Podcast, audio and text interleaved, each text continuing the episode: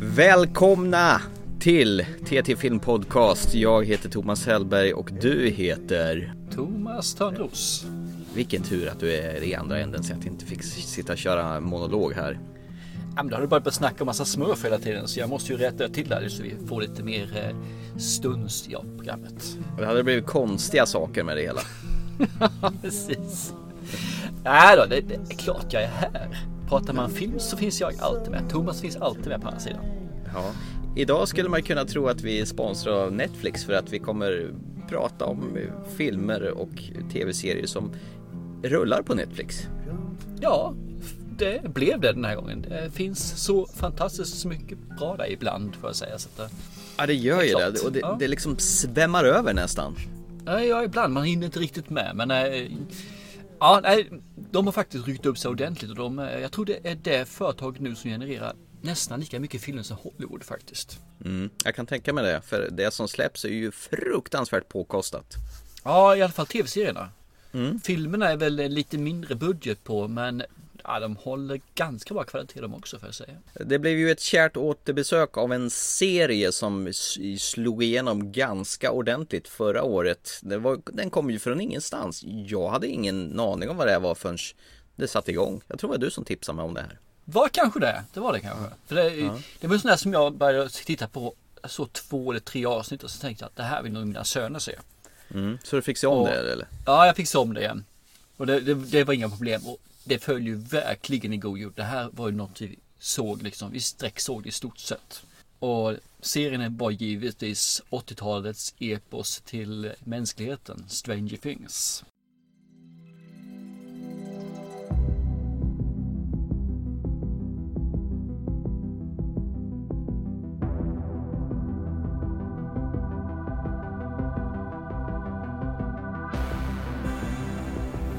Och sen när det här tog slut så sa ju mina söner När kommer säsong två? Ja, jag sa att den- om den håller tidsschema så kommer den någonstans i september, oktober, november kan jag tänka mig. Vadå, samma år eller vadå? Ja, nästa år då alltså var det ju givetvis. Alltså, alltså nu i år? Inte ja, förra nu i år. Ja, och nu, nu, nu har den kommit. Och de har varit på mig hela tiden. Kommer Stranger Things snart? Ja, jag tror det är september. De gissar fortfarande. Kommer den snart eller? Kommer den snart? Och nu, helt plötsligt, så säger jag, vet ni? Nästa fredag, kommer Stranger Things.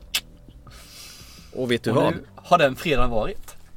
Och de slängde ut hela rasket på en och samma bräda. Ah, visst är det underbart istället för att se ett jävla avsnitt i veckan. Det här är super. Och jag tror att det kom ut den 25 kom den ut va? Eller 20... Ja. ja. Tyvärr var de hos sin mamma den veckan så vi missade en vecka. Nu är det färdigtittat. Har du sett klart hela rasket redan? Hela rasket är klart. Men inte det lite synd för då har den ju aslänge tills nästa vända. Så är det ju. Men eh, den som väntar på något gott väntar alltid för länge. Nej men det, det, den, eh, den tog skruv och det, det är lite kul för nu har ju även Netflix lagt ut en sån här Beyond. Så det finns liksom eh, hur tänkte de och hur, hur såg det ut och hur träffade skådespelaren. Jag har vi sett bara ett avsnitt än så länge på det. Vi ska se fler sen för det faktiskt, var faktiskt jättekul. Jag har lite så bakom kulisserna eller? Ja, man bjud- bjuder in en panel gör de liksom med, skådespelare och de här som har skrivit och regisserat.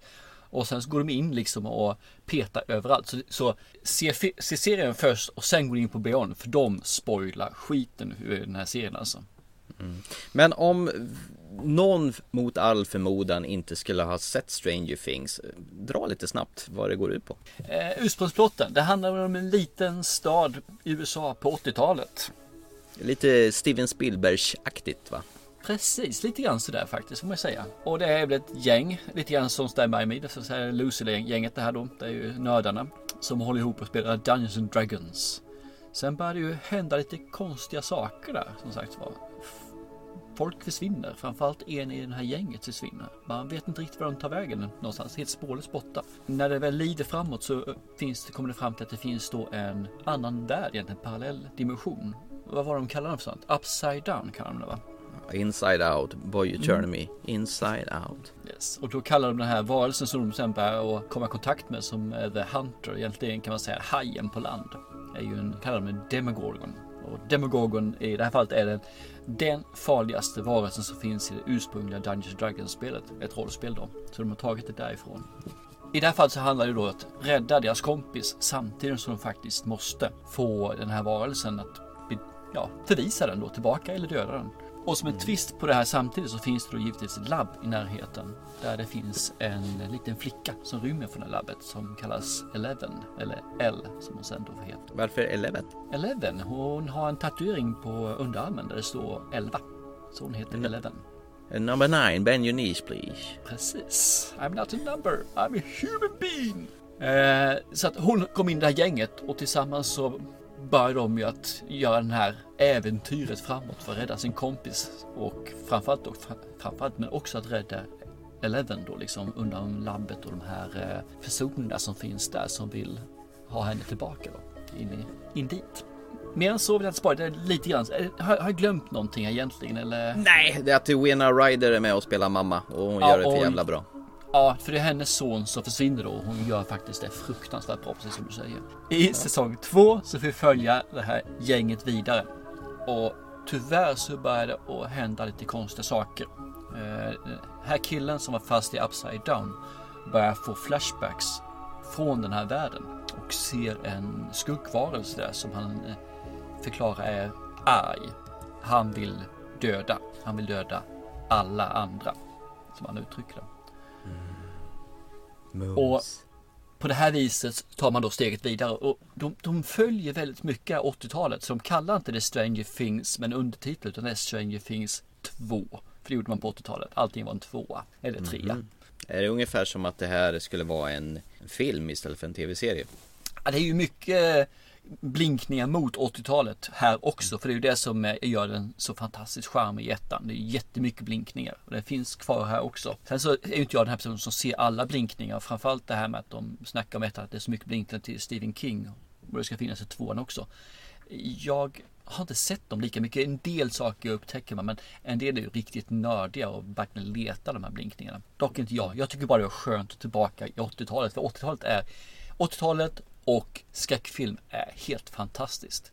Och jag, jag tror det är för att det är så nära våran tid. Samtidigt så finns inte teknologin vilket gör att man kan inte bara googla upp saker och ting och få lösningar på det utan du måste verkligen klura ut det själv. Sen kan man också säga säsong två i det här fallet så har de fått en hel del mer pengar i budgeten. I första säsongen slår de ungefär på en 6 miljoner dollar på avsnitt, vilket är ganska mycket får man väl säga i alla fall. Men i säsong 2 har de fått 8 miljoner i budget. Bara för att lägga en jämförelse så kan vi säga då att Game of Thrones har 10 miljoner på avsnitt. Hoppsan, du är ju nästan där. Mm. Så att det är bra med pengar de har fått alltså. Och det, det märks en hel del. I det här säsong 2 får djuplodar man mer i karaktärerna. Det finns eh, lite bättre grejer och effekterna. Jag tycker effekterna var jävligt bra i ettan också så jag ska inte säga det. Men de är inte sämre i alla fall. Det man kan säga jämföra ettan och tvåan är att ettan börjar ju med en raketfart. Om du kommer ihåg ettan. Det är liksom ja, eh, ja, absolut. allt som där uppbyggnadsfasen sker efter den första actionspäckade avsnitten. Jag tror det var två eller tre avsnitt som var riktigt mycket action i. Sen så planade det ut lite grann och så blev det det här mer lugna äventyrstempo. I säsong två gör de nästan tvärtom. Här är första avsnittet är faktiskt så här bara, här händer inte mycket. Min största son sa till och med det ah, nu får det hända någonting snart. Han sa efter två avsnitt. Nu får det hända någonting snart för det här är ju inte vad jag trodde det skulle vara. Men varför har de så bråttom för? Ja, men det är ungdomar. Men han får sitt lystmäte för efter två eller tre avsnitt här så drar det igång utav helsikes för alltså. Så då är det öset. Och det är precis som det ska vara i en uppföljare också ju. Jag kan faktiskt säga att till för, till för några dagar sedan så hade jag faktiskt bara sett första säsongen. Man får ju faktiskt en ganska ordentlig genomgång av första säsongen innan andra börjar. Tyvärr så måste jag ha säga att jag har ett dåligt minne för jag kommer liksom inte ihåg riktigt allting som hände i första säsongen. Så jag hade nog kanske behövts en liten omtitt för att få grepp på alltihopa. Det är lite ungefär som Game of Thrones. Det kan nog stämma faktiskt att det behövs lite grann till. Det skulle inte förvåna mig för det, jag känner samma sak. Det tog ett tag innan man var inne riktigt i den. Jag började titta med min sambo och sa jag kommer inte ihåg det här. Är, är jag senil eller någonting? För jag förstår inte. Jag kommer inte ihåg det. En sak till som jag tyckte var riktigt nice med säsong 2. Det är att mitt i, eller när det gått några avsnitt så kommer det in en figur. Alltså en karaktär. Och jag kände igen honom liksom. Jag kände, vem fasen är det där? Och jag gissa kunde vem du- inte. Ja, Kan, kör. får jag gissa vem du menar? Ja, gör det. Kan det vara Sam från eh, Sagan om ringen? It's like in the great stories, Mr. Frodo. The ones that really mattered. Full of darkness and danger they were. Jajamän, Sam ja. Gamgil, vad heter han för någonting där? Ja, fast han var blobbigare här. Ja, han har ju gått upp lite grann i jobbet. Så nu heter han ju Bob Newby istället. Bob Newby. och det tog mig liksom hur många avsnitt som helst. För jag vägrade slå upp det på IMDB och kolla liksom vilka som var med. Och sen bara klick slår det till. Och det, det, det är skithäftigt. Att han mm. helt plötsligt är med där, det tycker jag var skitkul. Mm. Men det var en sån här liten, hmm, vem är han egentligen? Men det är ju som i första säsongen, då har vi Matthew Modine som en eh, vetenskapsman. Och i andra säsongen får vi Paul Reiser, eh, känd från Aliens, han som är Burke, som eh, ja. lurar med Ripley och är riktigt jävla feg arsel. Exakt, han har också blivit eh, äldre. Ja, det är kul att de tar med de här gamla 80-tals eh, birollsgubbarna, eller vad ska man säga, som man känner igen ändå.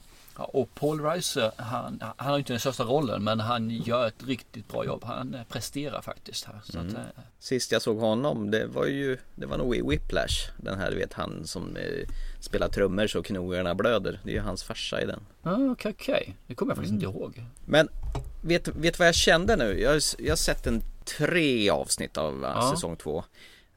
Helt plötsligt så får jag såna här Silent Hill-vibbar av, av den här serien. Om du förstår vad jag menar. Nej, det får du nog förklara.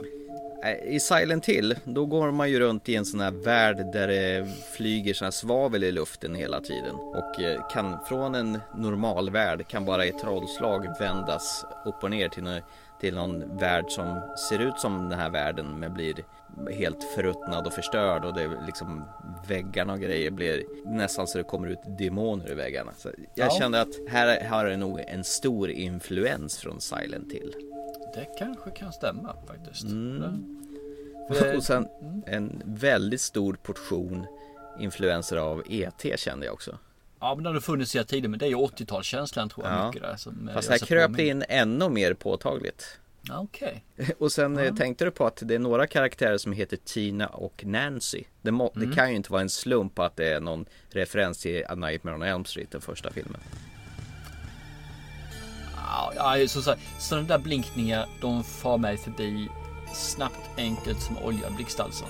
Nej, det gör inte eh, om, det, om det är det så, ja fine. Är det inte det så är det tillfället. Det finns ju bara x antal namn och Nancy var ju ett ganska vanligt namn på 80-talet om jag förstått det rätt. Mm. Men alltså båda med Tina och Nancy? Ja, kanske. Mm. Det är mycket möjligt som sagt var.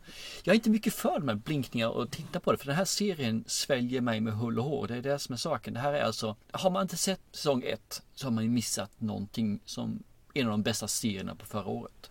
Mm. Det, här var, det är ju bara det var, liksom, tugga mm. i sig innan man ger sig över den här. Annars kommer man inte fatta någonting. Nej, det måste se säsong ett. Det måste man göra. För annars så försvinner så mycket. Och jag tror som du sa tidigare, se dem gärna i kloss. Mm. För annars så kan det vara att man glömmer bort lite grann där. Eller också att vi börjar bli gamla och inte kommer ihåg. Nej, det tror jag inte. jag kan också avslöja med en gång här att det finns redan signat pengar för säsong tre. Och fyra. Och fyra, det visste jag inte om. Tre visste jag om. Fyra visste jag inte om det fanns pengar. Men inte fan bestämmer man att man ska göra två säsonger till innan ens andra är färdiga annars om det inte är klart. Nej, så att jag tror att trean finns där. Det, vet jag. Fyran osäker om det finns, eh, man verkligen har gett go-go på den. Säkert. Det, det, är, det är väl en av Netflix största succéer ever. Det är klart det kommer bli en fyra, det kommer det bli. Mm. Jag skulle bli väldigt förvånad om det inte blev så.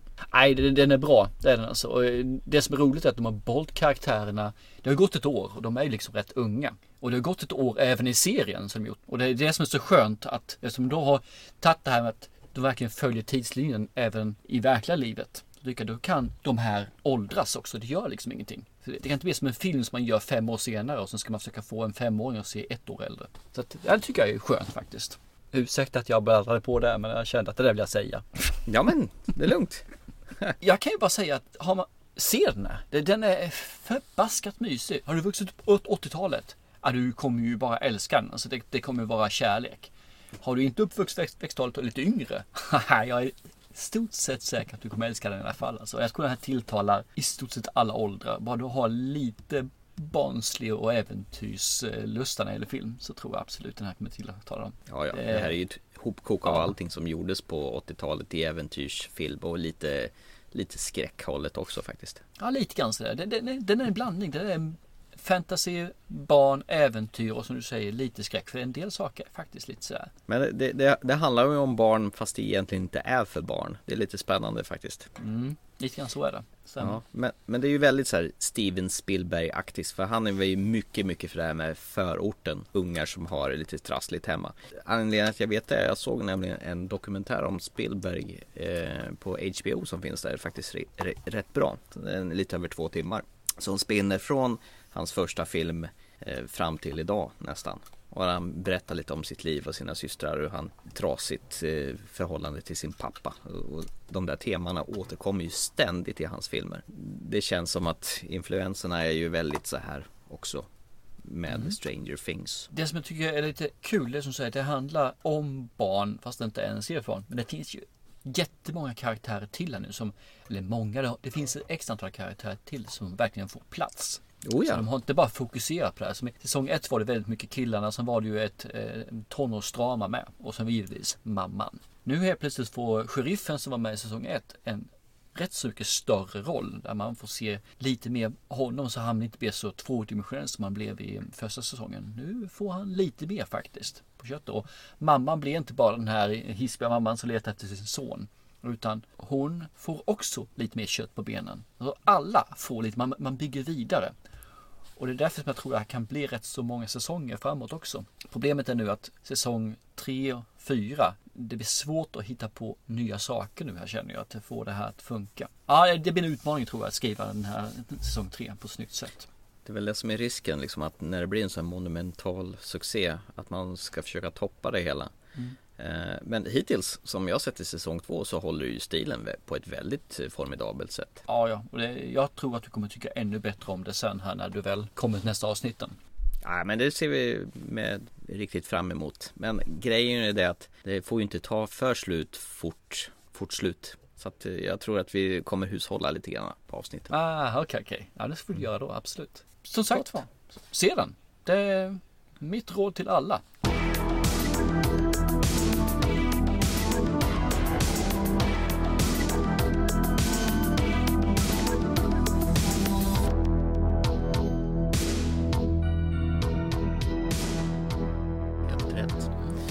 Ska vi hoppa från en Netflix-grunka till en annan net Netflix? Från en serie till en film kanske?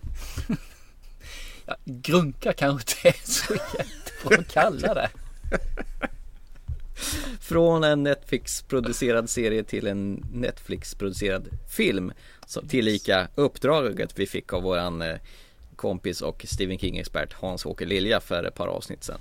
Så menar vi ska leka lite grann? Det kan vi göra. Med handkloar och fiskekrokar, stearinljus och sväva med otäcka grejer i ryggen. Jo. Geralds game. This is gonna be good for us, Jess. Really good. That's a marriage, isn't it? Working on the difficult things. For better or worse. Let's go in, get comfy. I bet you think your husband will be back any minute. Try to go for help. There's no one for miles. Um, Gerald? I'm sorry, baby. You don't get to know my name. I don't like this. I'm serious. Stop. I like that. I... Stop it! Are you playing? Is this really what it takes these days? God, how do we go so wrong? We were happy once, weren't we? Gerald? What? What's happening? Oh. Gerald!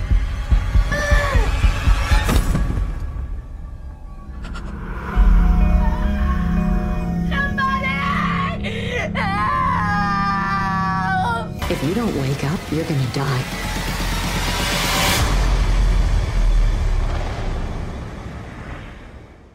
Eh, det är en film som är baserad på en eh, novell av Stephen King. Han är ju rätt duktig på att hitta på märkliga, läskiga, creepiga historier. Vad är premissen med eh, Gerald och hans fru? Vi har ett medelålders par som har förhållandet gått i stå.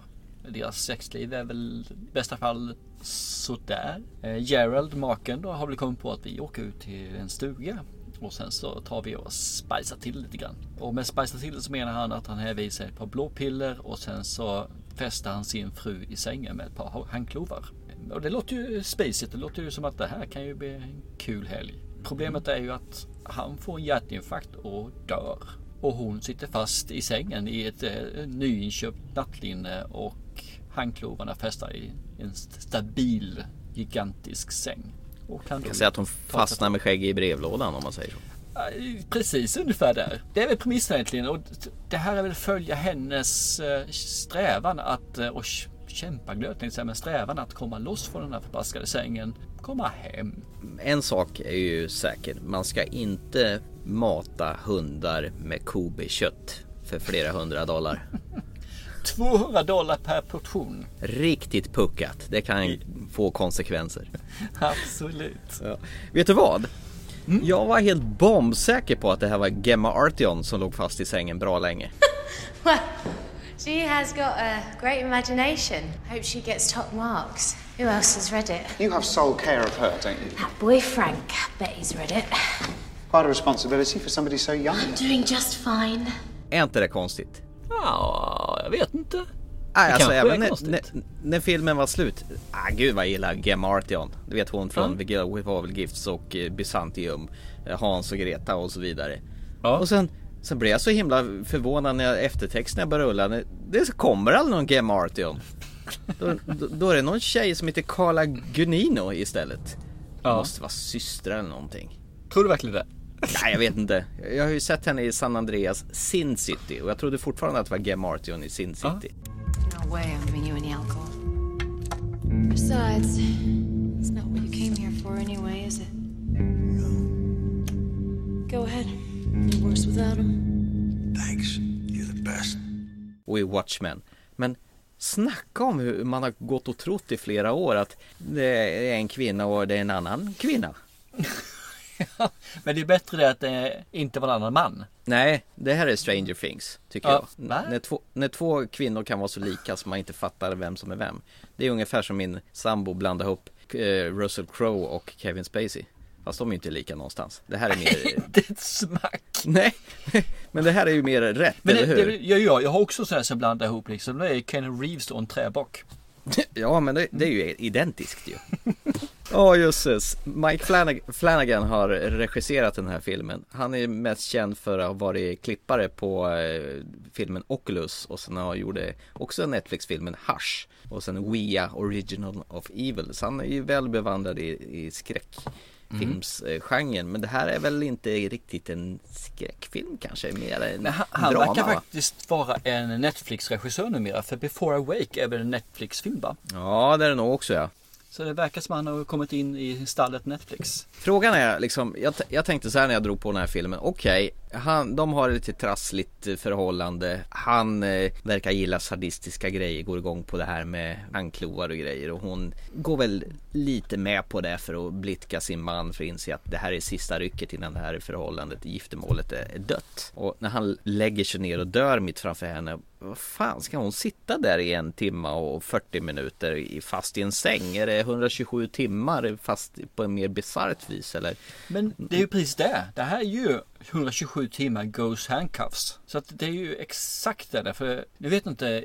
Det är, det är ganska snabbt som det hände i filmen här. Hon börjar ju få syner och det är ju att Gerald helt plötsligt reser på sig och säger Tjena! Och hon säger Wow, du överlevde! Samtidigt som hon tittar ner på golvet och där ligger ju han kvar. Mm. Och precis stunden efter så ser hon sig själv. Så hon diskuterar med Gerald, hon diskuterar med sig själv och samtidigt så är hon med också. Och det här är ju återigen 127 timmar för den finns ju också med som en sekvens i den filmen. När han helt plötsligt börjar köra tv-show istället. Och det, det, är ju det här som är så fint. Man får, får se hennes resa faktiskt egentligen. Man får se tillbakablickar. Varför är hon som hon är? Och varför hamnar hon i ett förhållande med Gerald? Som hon faktiskt, hon, som du sa, hon var motvilligt med på att uh, köra den här sexleken ju.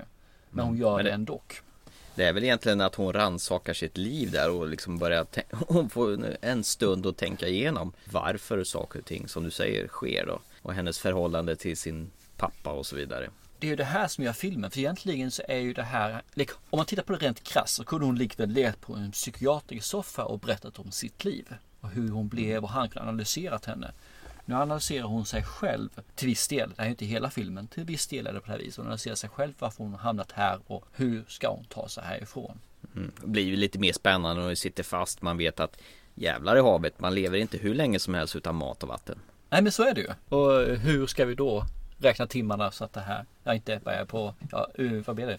förtorkad och hela de här kören. Då. Sen måste vi twista till det lite grann och göra nätterna lite mer obehagliga än vad det brukar vara också.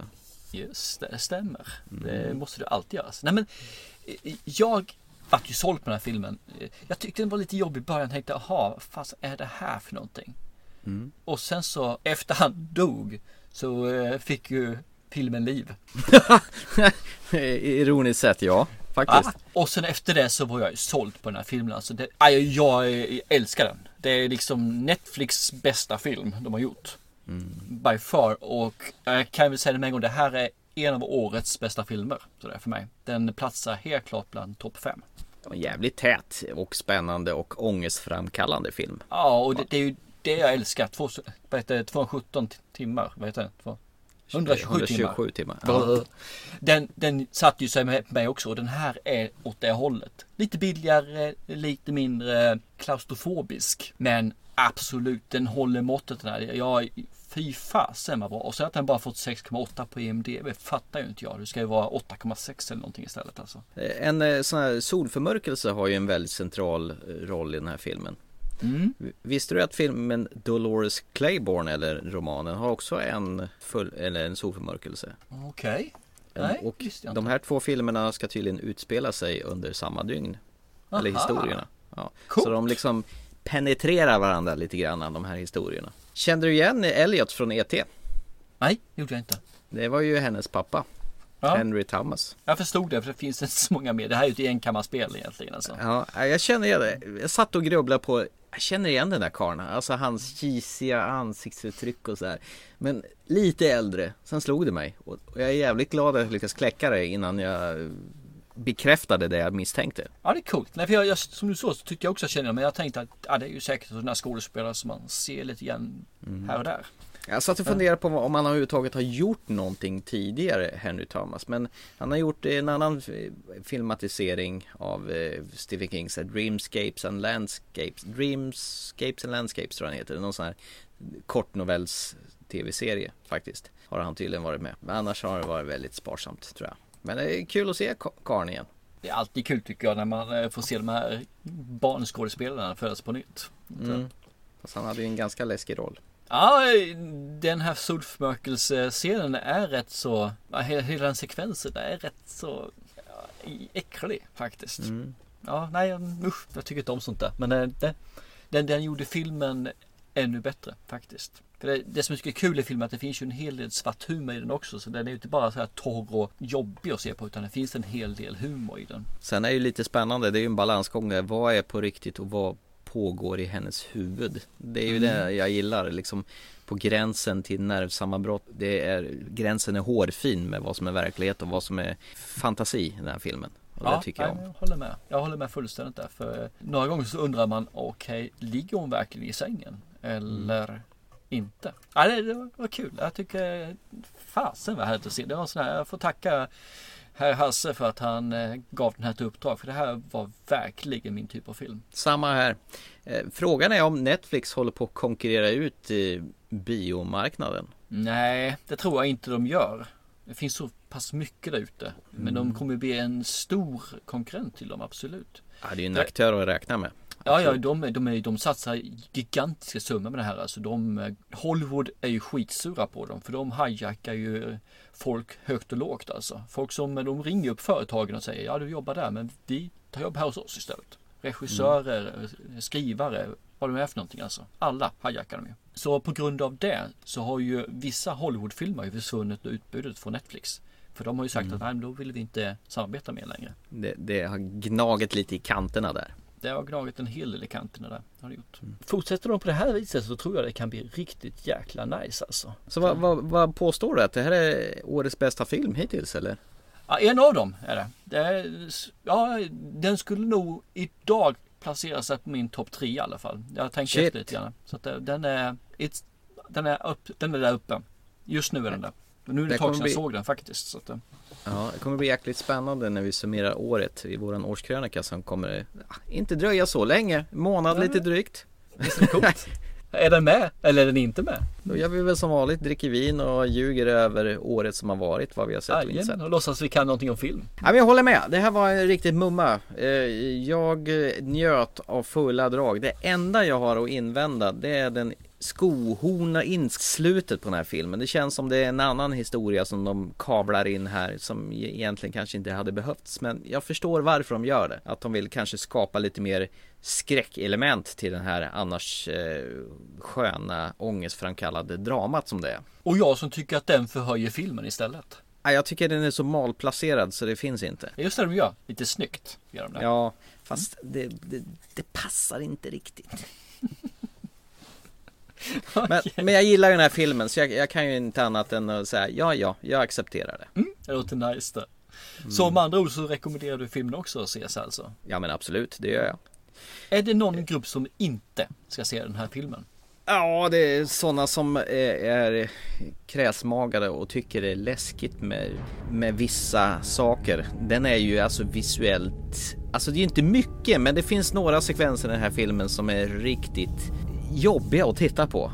Alltså även för en annan som är van och sett eh, mycket kladd och sådär. Men de, har, de gör en scen som, som det, det nästan så här blir jobbigt att titta på. Det skär sig i kroppen när man ser det. Jag tror du vet vad jag menar. Ja då, jag förstår det absolut. Att, eh, Själv så känner jag nog fasen ta att det är som du säger, ja, de som inte tål blod och sådana saker. Nu är det inte jättemycket blod i den här faktiskt. Det är, det är några scener som du säger. Eh, och så finns det några äckelscener. Fasen, jag tycker att den här skulle i stort sett passa alla. Eh, eh kanske inte de här som har ADHD och vill att det ska hända saker hela tiden. Men de som kan ta det lugnt och tycka om att man får en karaktärsupplevelse. Men tror du alla kommer fatta den här filmen då? Det, är liksom, det kan vara lite knepigt att hänga med om man inte är van att behöva tänka lite själv utan bara sätta sig tillbaka och någonting pågår framför ögonen. Tror du verkligen att den är så jättejobbig alltså? Ja, jag tror att vissa kanske inte tilltalar för att det kan vara för klurigt att begripa vad som händer faktiskt. Ja, Det, kanske. det är bara en tanke. Ja, Jag, jag, jag tror ju mer i sådana fall på de här som vill att det som måste hela tiden matas med action och att nu händer det någonting framför mig. För det är en slow burner det här. Ja, det är en slow burn är det. Och det ja, jag tycker om sånt där liksom när man verkligen får lära känna karaktären. Man får lära, få tid på sig att komma in i filmen.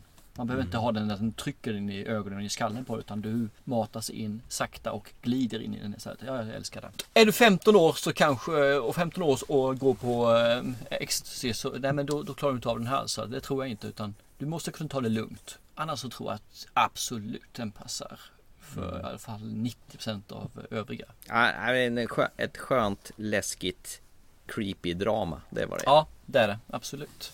Ja, ja. Perfekt!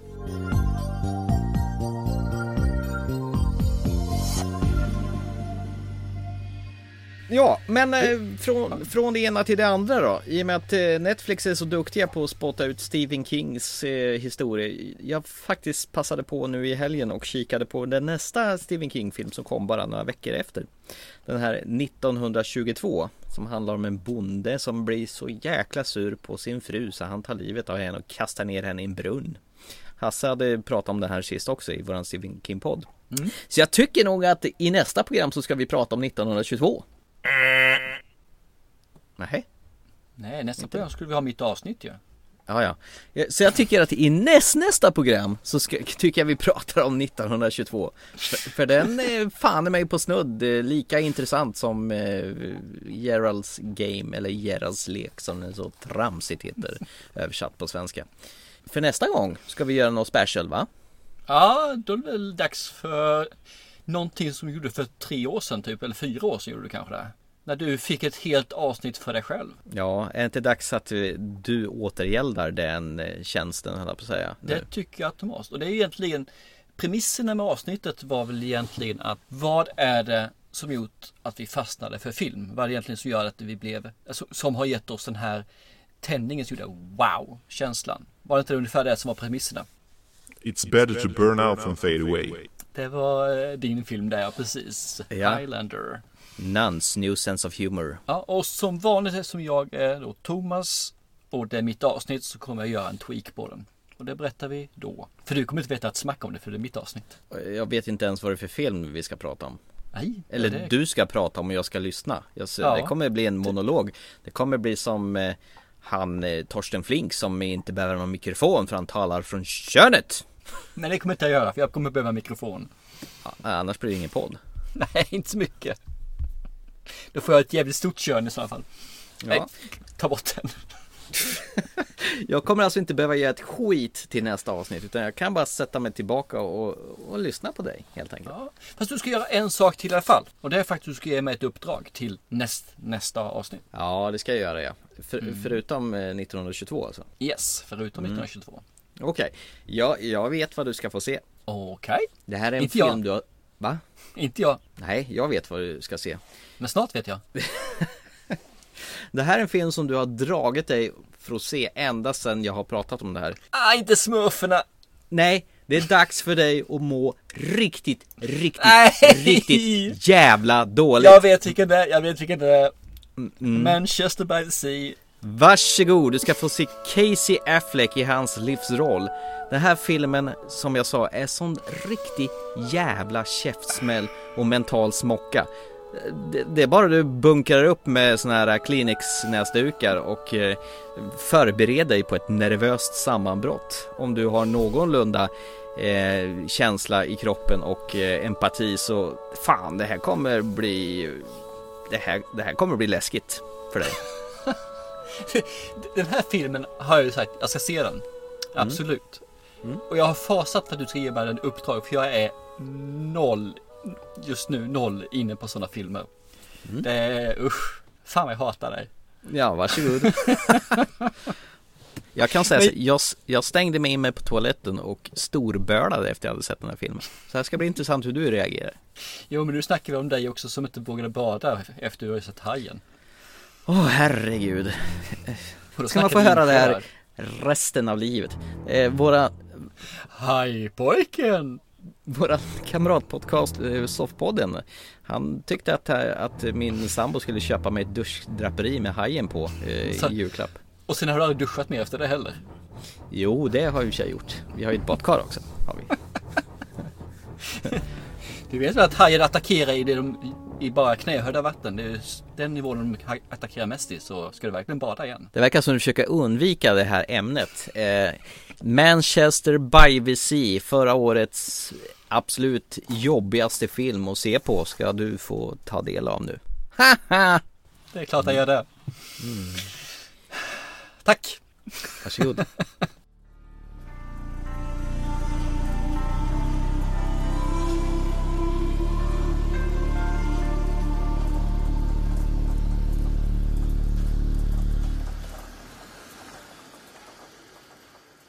Jaha, då går vi vidare i programmet då och eh, som en händelse så ska vi väl ha en liten tävling, eller vad säger du? Ja, vi älskar ju tävlingar. Jag tycker om att ge bort filmer som folk kan få gratis. Alltså, få gratis. Det hör väl ihop. Men det tycker jag. Ja, i samarbete med Universal Sony Pictures så ska vi tävla ut lite skräck postapokalyptisk film. Eller vad säger du? Ja, It comes at night. Mm, det kommer mitt i natten och läskar sig med dig och du blir alldeles rädd. Skitnördig. Det knarrar i träden och i hustopparna och i taket och... Oj, vad är det som kommer på natten? Och för att vara med och tävla, Thomas, behöver man göra nu innan du blev eh, helt ner i byxan här. Ja, jo, eh, som vanligt. Eh, vi kommer ha tävlingen på Instagram och Facebook och där går ni in och gillar det inlägget, delar det inlägget och för att göra det lite extra svårt, vad är din favorit postapokalyptisk film? Där allt shit goes down eller har gått down. Det vill säga eftervärlden ligger i någon form av ödesmark. Och det är bara misär och tråkigt och läskigt och allt är svartvitt. Och man går runt där på en åker och rullar sig i lera. Civilisationen som vi känner till den har alltså gått eller är på väg att gå mot sitt slut. Fast man mycket bättre göra på att förklara saker än dig då. Det ju behövde fyra minuter Ja. på 15 sekunder. Eller 5 sekunder. Yes! Men för att ge er en chans om ni verkligen ska vara med och tävla om den här filmen eller ni tycker "Eh, varför då då? Så ska vi förklara lite grann vad det är för film kanske. Vad vad den handlar Ja, om och kanske ja, till och med vad vi precis. tycker om filmen. Vi har ju sett den. Ja absolut har vi gjort det. Det är klart vi sett den här. We never go out at night. And the red door stays locked. Oh my god, you scared me. Sorry. Closed and locked all the time. Closed and locked all the time.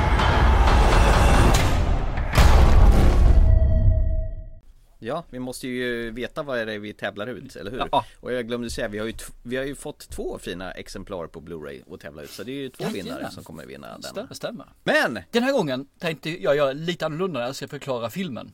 Så jag tänkte göra så här. Först läser jag filmen som den är beskriven av de här eh, som har skrivit vad den handlar om. Som tyckte den. De där som skriver på baksidan Precis. av fodralet eller? Och de, de skriver så här. Föreställ dig världens undergång. Föreställ dig nu något mycket värre. I ett välskyddat östligt hus försöker Paul och hans fru Sara och deras son Travis navigera rädsla, sorg och paranoia mot ett okänt hot som styr hela dess existens. Lång mening. Beväpnade, vaksamma med knappa resurser är de redo att offra allt för att beskydda varandra, sitt hem, när ett desperat ungt par och deras son en dag söker sin flykt hos dem. Nu tar jag lite här, punkt, punkt, punkt. Trots familjernas goda intentioner tar panik och misstänksamhet överhanden när hotet från yttervärlden kommer allt närmare.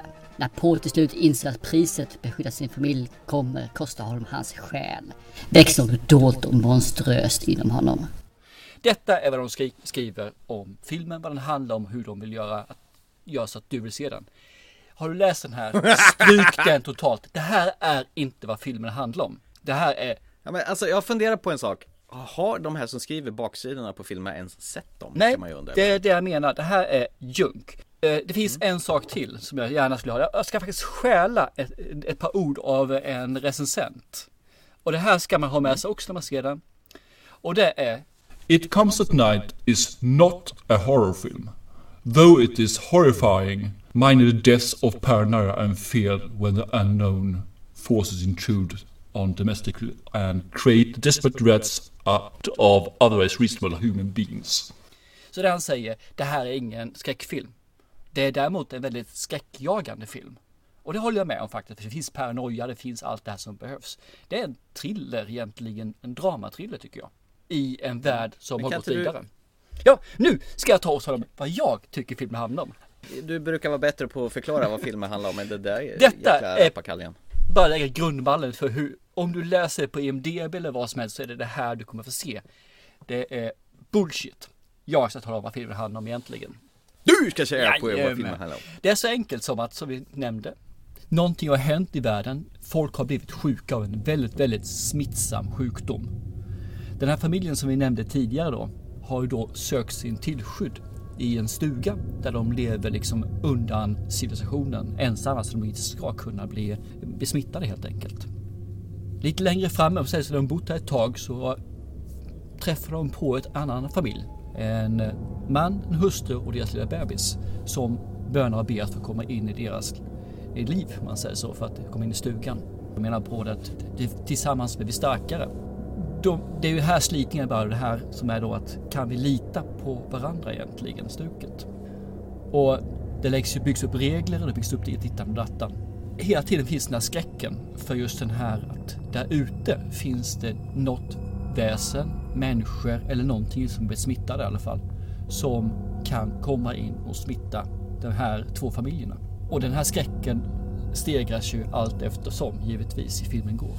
Det är egentligen en film där världen har gått vidare, som vi nämnde tidigare. Det är en sjukdom och man lever i skräck för att bli smittad och att då eh, inte kunna vara tillsammans med nära och kära för det är vackert och puttigt i slutet. Så, eh, dög det. Jag kände mig lite flummig där måste jag erkänna. Men, eh,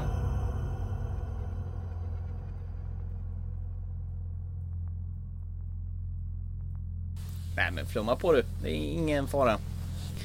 Nej men det var ungefär vad det är. Det är Mm. som du säger, den lilla familjen som bor mitt ute i skogen. Det är fint med fi- filmer där folk bor mitt ute i skogen. Ute i ödemarken. Eh, gasmasker har en väldigt central roll här. Man kan inte vara ute och gå utan gasmasker minsann. Och, och öppningsscenen, får jag spoila öppningsscenen? För det är det första som händer i filmen. Ja. Eh, deras eh, farfar har massa äckliga blåser på sig och så inser man att oj oj oj, här är dags att avliva. Så de tar ut gubben, lägger en kudde för huvudet och sätter en kula i skallen på honom. Eldar upp karljäkeln ifödd i gasmaskmunderingar. Och det är det här som är så fantastiskt. Du vet inte varför egentligen. Jo, det är väl klart du vet ju varför de har gasmasker på. Det är ju något otäckt. Du kan inte vistas ute egentligen utan de här. Eh, någonting som sprids något djävulskt. Farligt. Tja, otäckt. Paranoian är ju väldigt stor när det här andra familjen kommer och nästan Vad sa du? inkräktar i deras hem. Fast det är ju ungefär det här. Kan du lita på dem eller är de där för att bara förstöra för dem?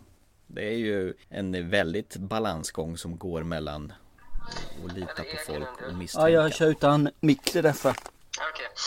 Jag tänkte säga, ringa och säga grattis på fars dag. Ja, tackar tackar. Men sen kom jag på att det var modern som kan veta. Du får säga grattis på kanske fars dag då. Potentiellt. Ja, Precis. Helt rätt. Tack för den grabben. Jag tänkte säga. Mm, mm. Tack för den. Dök det här nu eller?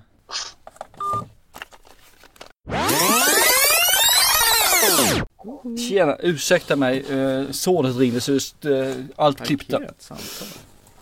Hallå? Ja, Det är Därför. parkerat samtal stod det på. Ja, jag vet inte. Jag gick inte att fixa till. Ja, jag, ja skitsamma. Uh, ursäkta mig. Går du och, vad var du för någonstans? Eh, där man möter den andra familjen då som eh, tränger sig på mer eller mindre och eh, familjen som är kvar i huset som inte riktigt vet hur man ska bemöta de här. Ska man vara gästvänlig eller ska man stänga dem ute? Men samtidigt ska man försöka samsas i det här hemmet men där misstanke försöker översköljas av att lita på folk. Det är en väldigt balansgång. Jag tycker det här är en skräckfilm i alla fall. Inte en skräckfilm som på något vis eh, handlar om den här vanliga spökfilmshistorien utan en mer en psykologisk skräckfilm där du inte riktigt vet vad som väntar bakom nästa hörn. Det här med att du har en fruktansvärd ovisshet lurar kring hörnen. Eller vad säger du? Jag anser fortfarande att det är thrillerdrama, tycker jag, mer än en skräckfilm.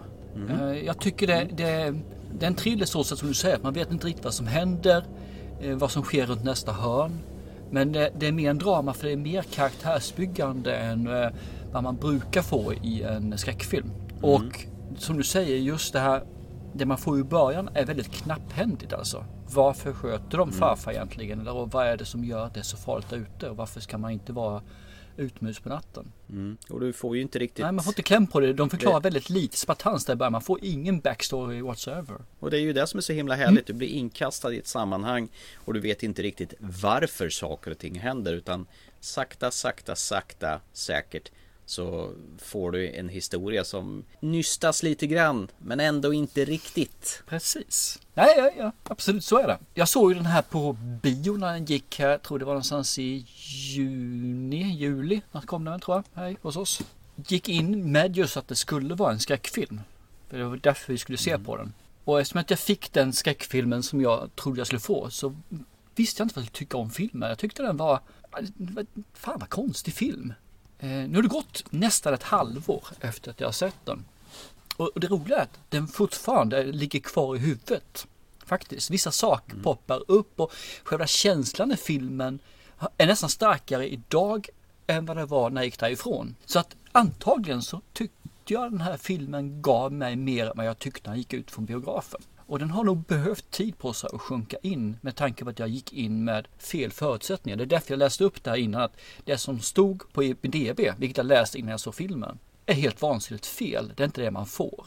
Och det är därför jag läste upp också den här recensenten som skrev att det här är ingen horrorfilm, det här är ingen skräckfilm i, i natur, eller säga i traditionell bemärkelse i alla fall.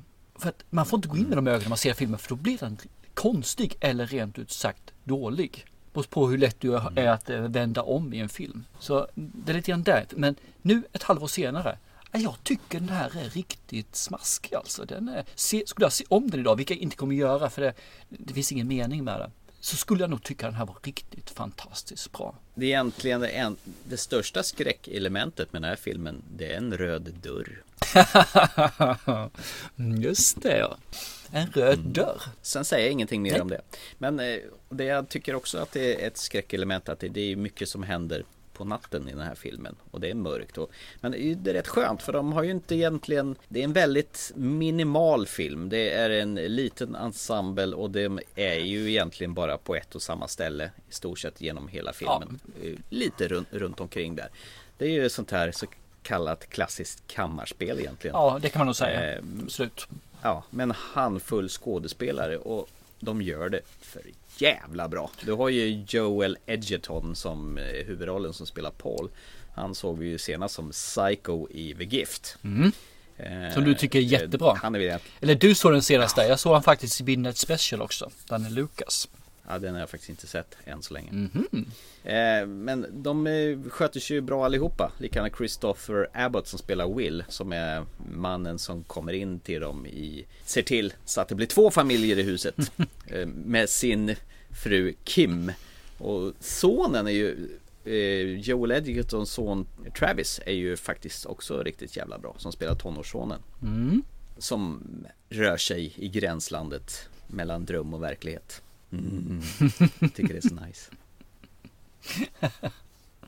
Ja, det är bra. Absolut. Nej men det är det som du säger, det här är karaktärsbyggande och det är det här om man har problem att lita på folk och lita på främlingar. Ska man kunna ta till sig, leva tillsammans trots att all shit has gone down här. Ja, för saken är den att det finns ju lite mer att man blir sårad eller att någon inte plockar undan disken efter sig här. Utan här är ju egentligen insatsen att kan jag lita på dem att de verkligen inte är smittade? Eller att de inte Mm. följer våra regler så de kanske utsätter våran familj för risk att bli smittad. Finns det den trusten där? Mot några man aldrig har träffat. Så det är insats med livet istället för insats med Jaha, nu får jag ta och plocka undan disken igen. Mm. Så att, ah, Alltså titeln kan ju vara lite missvisande. It comes at night. Då trodde jag att det skulle vara någon sånt här monsterfilm som kommer och eh, terroriserar den här familjen på nätterna eller någonting sånt. Men du får ju någonting helt annat. Det var väl kanske det som gjorde att du när du såg den på bio. Vad fick jag nu?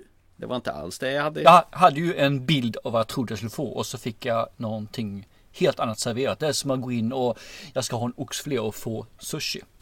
Ja, båda två sakerna är jättegoda alltså. Men det var inte riktigt det man var ute efter. Nej, det är ju på sätt och vis en home invasion film. Fast inte på det sättet som man kanske tror. Nu efteråt som sagt var, jag, jag tycker den här är ruggigt bra. Den, är, den har vuxit fantastiskt mycket. Eh, regissören som har gjort den här filmen, eh, Trey Edward Schultz, eh, han har ju egentligen bara gjort en film tidigare. Ett drama. Krishna eller vad heter den? Ja, precis. Dels gjorde han den som en kortfilm och sen eh, fick han eh, så bra respons så han fick ju göra långfilm av det hela. Mm. Eh, med en film med samma namn då. Så att det här är hans andra film egentligen. Och jag tror han kommer att göra fler filmer med ännu större budget än den här. För den har faktiskt ganska liten budget. Det är bara 5 miljoner dollar om jag minns rätt. Ja, herregud. Och de har ju gjort den med så enkla och smarta medel man bara gör. Det är till exempel en scen när de åker med en, en truck, i, eller en truck, en bil, en, så en bil med flak. Pickup kanske? Genom skogen. Tack. Pickup. Det var det ordet jag sökte. Pickup. Och så får man se en rätt så skön flygsekvens ovanför bilen. Och det är ju med en vanlig enkel liten svävare som man har fått till den scenen.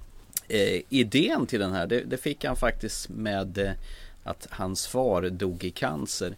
På något sätt så behövde han bearbeta sorgen och då någonstans så mejslade han fram det här historien då. Så han har själv skrivit den här filmen och regisserat den också då. Eh, Med väldigt minimalistisk budget och ett handfull skådespelare. Och det, det, det är just därför jag tror den fungerar, att han har fått så låg budget. Alltså man har skrivit och eh, han, han gör ju allting själv nu, både skriver och regisserar. Och hade han fått då säger vi 100 miljoner dollar, då tror jag det här hade Mm. blivit för stort. Han hade, hade blivit så nära, han hade kunnat göra så mycket och då hade det blivit pannkaka och rörigt av det. Nu var han tvungen att hålla ner allting och verkligen få med kärnan.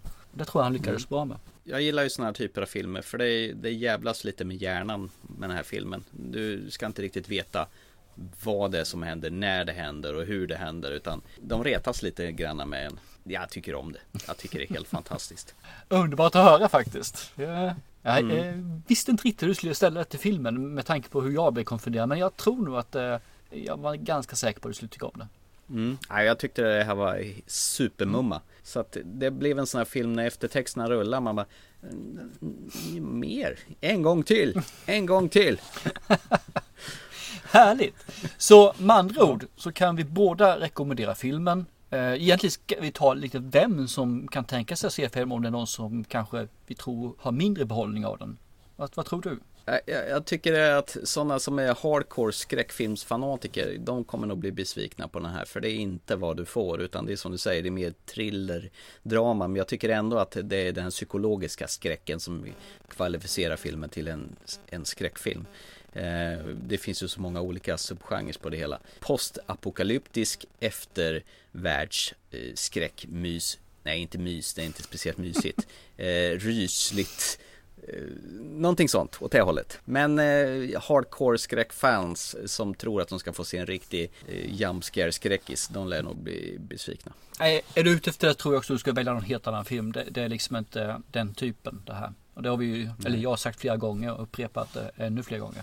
Jag tror att de som tycker om Mads Mikkelsen i The Road kommer älska den här filmen. Mads Mikkelsen, Viggo Mortensen skulle jag vilja säga. Viggo Mortensen för fan, Mads Mikkelsen, han hemska ju i eh, Doctor Strange, vad heter han? Strange Mads Mikkelsen! Usch, fy fan. Fult mig att säga, nämna hans namn med den fina filmen. Jag ber mycket, mycket, mycket, mycket us- ursäkt. Nej, Viggo Mortensen start i The Road. Eh, Den har samma tragiska stämning. Det finns liksom ingen framtid någonstans. Den är mörk, den är miserabel. Det är bara skär upp handleden och lägg där ner och låt blodet rinna bort. Ja. Och sen är den, är den också väldigt dämpad i eh, färger och i tempo med för den delen.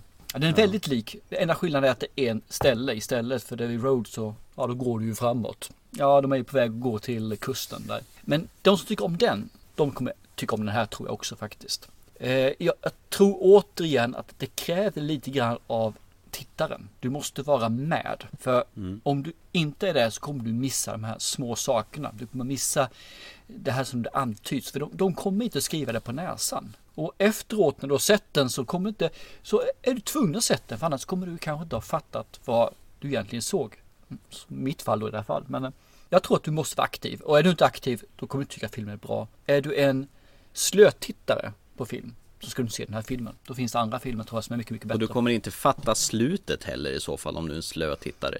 Nej, jag tror inte det faktiskt heller. Eh, båda rekommenderar filmen.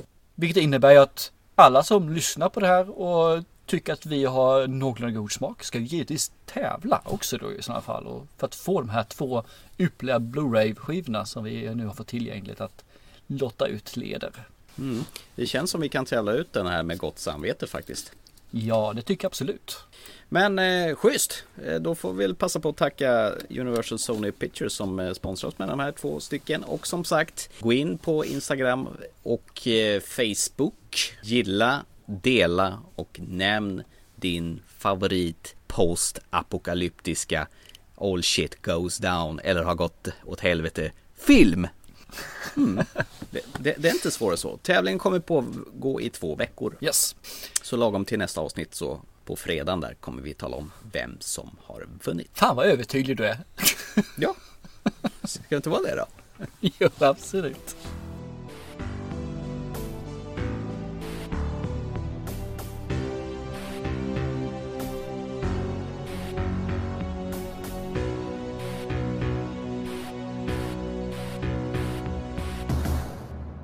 Känner vi oss klara för idag? Ja, är vi klara eller ska jag nämna någonting om eh, Tor-filmen? Ja men gör det! Just det, du var iväg och såg Tor och Hulken. Med Chris Hemsworth. Ladies and gentlemen, this is what you've come for. It's main event time.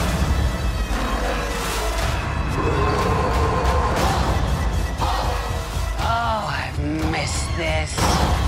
I'm putting together a team. This team of yours. Has it got a name? It's called the Re- Revenges. Revenges? I mean, we don't have to have a name. We could have no name. Ja, hur många Hemsworth-bröder finns det? Det är 88 stycken. Ja, det vet jag inte men den här är väl den som eh, tjejerna diggar mest i alla fall tror jag. Apropå det, min sambo tycker att han är skitsnygg. Det gör min tjej också så att eh, hon sitter där och suckar djupt när han spänner sina armmuskler. Är det han i Rush? Det är han som håller, spelade den här karln som åkte tävla mot Nick Lauda. Ja det är det, stämmer. Helt rätt. Vilken koll du har på en film du inte tyckte om när du såg den första gången. Ja men den var ju jättebra, när jag, när, jag, när jag var vaken på den Då var den bra ja. Det är väl han som är den här, deras, i Ghostbusters, den remaken med kvinnorna Det är väl han som är sekreterare till dem också Eh, Kanske det också, jag har inte tänkt på faktiskt. Han har glasögon och så dansar han konstigt i slutet Men du, ska vi hoppa över till eh, filmen Tor? Ragnarök. Ja men seriöst, var det någonting att ha egentligen? Jag är ju lite sådär, de är sådär de här filmerna numera, Avengers-filmerna.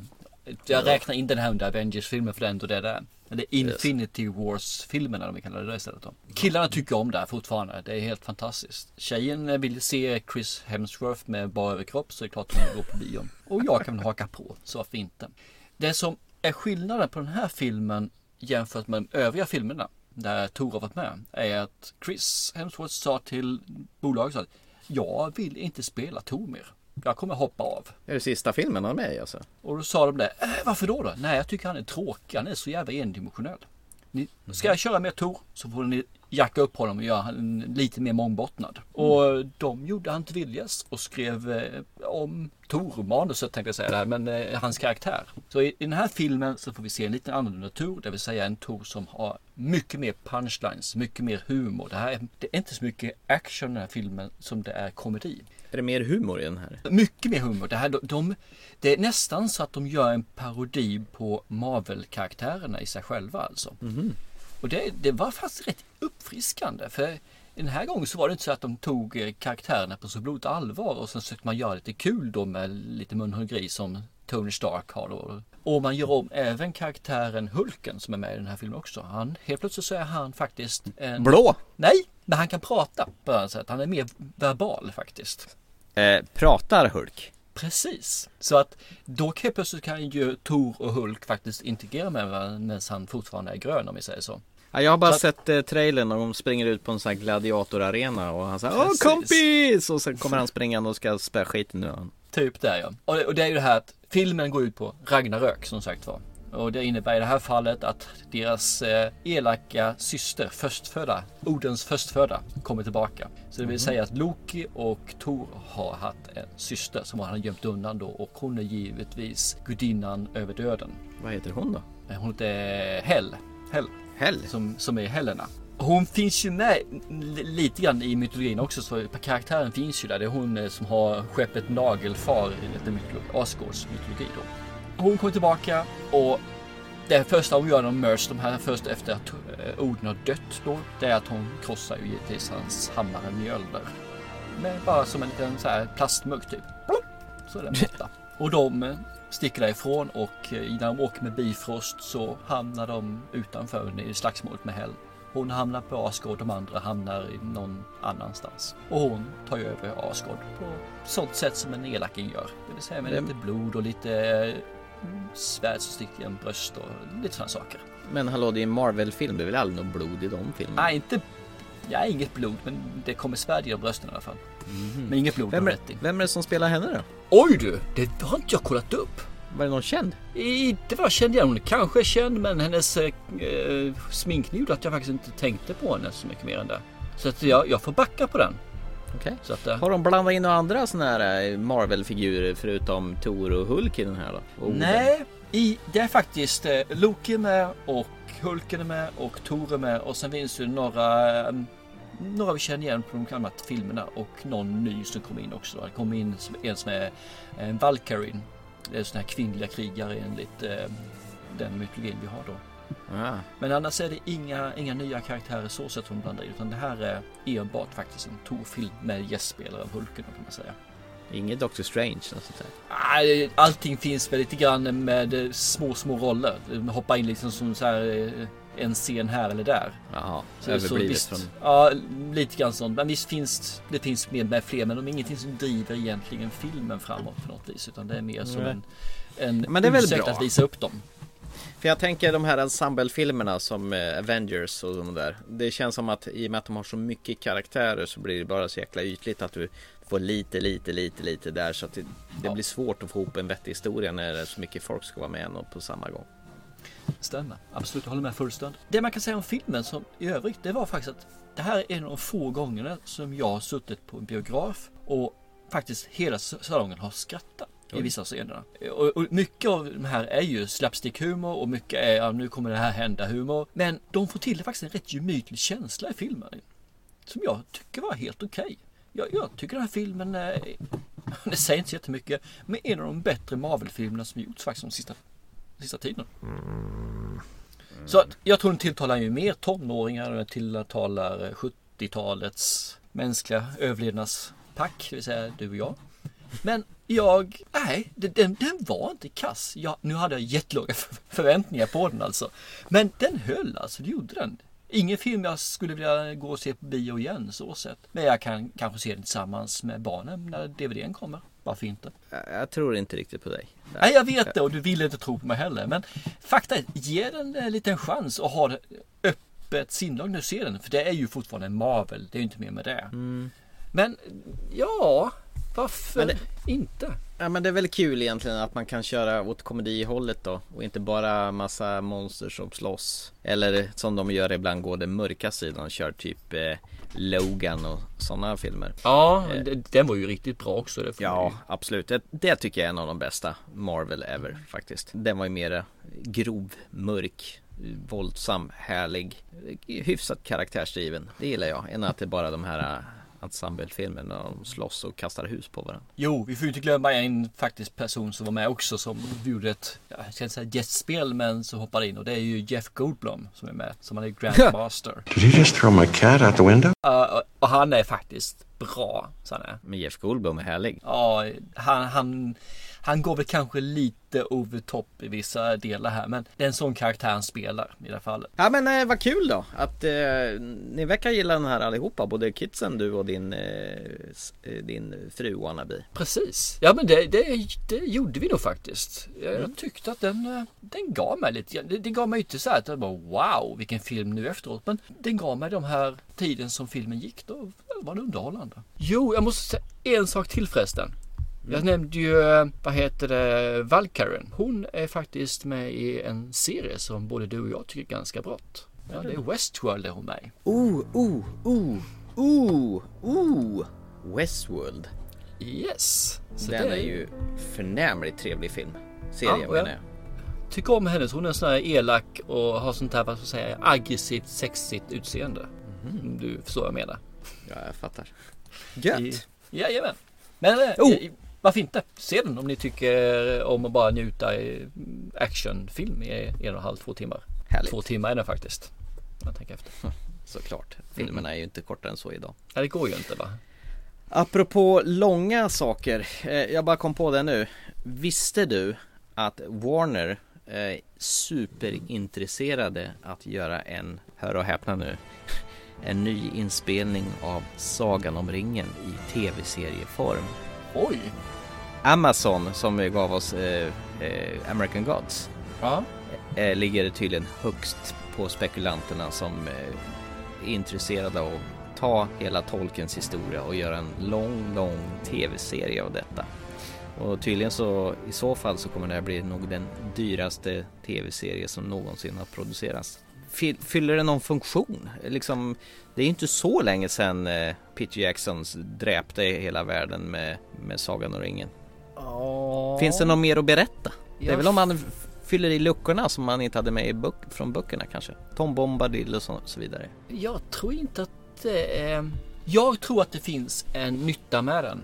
Om man inte gör den till en äventyrsfilm som då gjordes när vi fick se den här trilogin. Utan Mm. gör den till den mörka bok som, eller mörka serie som faktiskt boken är. Mm. För bo- boken är faktiskt rätt så Ja, det är en barnbok till viss del en saga, men det är faktiskt en mycket en vuxen story i sig själv. Och om du gör den då lite mer åt det hållet och berättar den ur ett annat perspektiv så tror jag absolut det kan finnas saker att, eh, att utforska. Och som du säger, då lägga till de här sakerna, Tom Bombadil och mm. de här sakerna som klipptes bort och kanske utveckla, eh, vad heter det, storyn lite mer också. Uh, ja, varför inte? Varför inte? Ja, jag menar, då har du ju åtminstone minst tre säsonger då, kanske att tio avsnitt styck att göra med långfilmsbudget på varje avsnitt. Ja, sen får jag säga så att det var inte så länge sedan jag gjorde det. Menar, bara Konungens återkomst, kommer inte den tillbaka, kommer den ut 2003 eller något sånt där. Det är i alla fall en 14 år sedan så att, äh, jag vet inte. ja, den som lever får se, som, som det heter. Jag tycker det så intressant. Jag skrev det, mm. jag, jag kittlas av tanken att kunna göra den eh, lite mer än vad som blir i böckerna. Mm. Eller, eller, eller filmen, filmerna med jag. Även om filmerna faktiskt är riktigt bra. Förutom Konungens återkomst. Som jag hatar. Den med 411 olika slut. Ja visst, i samma film. Och det är inte en director's cut utan det är samma.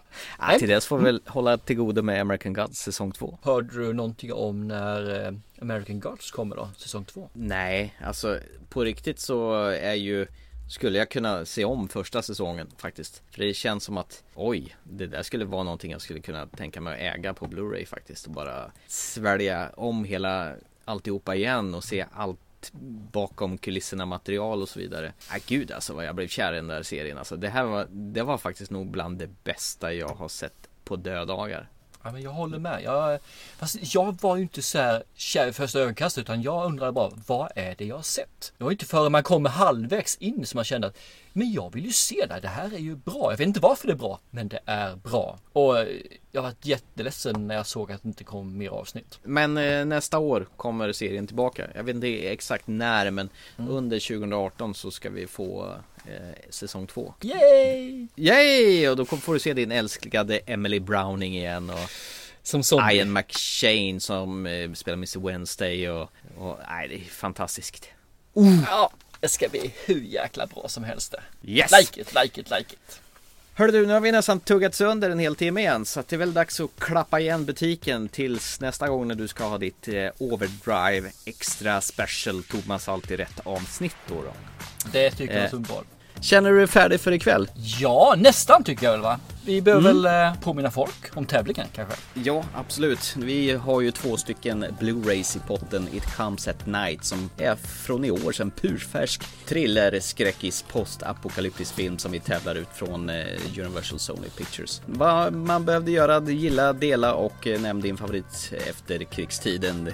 All shit goes down, postapokalyptisk film. Film så är du med och tävlar. Finns tävling kommer finnas på Instagram och Facebook. Och då kan det vara allt från att det har börjat gå åt helsike eller att det har gått åt helsike och man håller på att fixa till. Eller någonstans däremellan. Allting där civilisationerna håller på att krascha är helt okej okay för oss. Som vanligt så önskar ju vi att ni kommer med feedback och ni får jättegärna trycka på prenumerationsknappen på Podcaster eller iTunes eller Acast eller vilken plattform ni än lyssnar på. Vi gillar det och vi vill gärna ha åsikter vad ni tycker och vad vi ska prata om. Vi brukar ju ta tillfälle i akt och prata om det ni önskar. Så är det ju bara. Och tycker ni att vi är bra eller bara vill feedback så ta gärna en recension på iTunes eller liknande med så att vi kan se vad ni tycker. Och så säger vi som vanligt till nästa gång, se en bra film så hörs vi om ett par veckor igen. Chip chip. Hej då! Stopp! En timme. Vad speedat det här blev.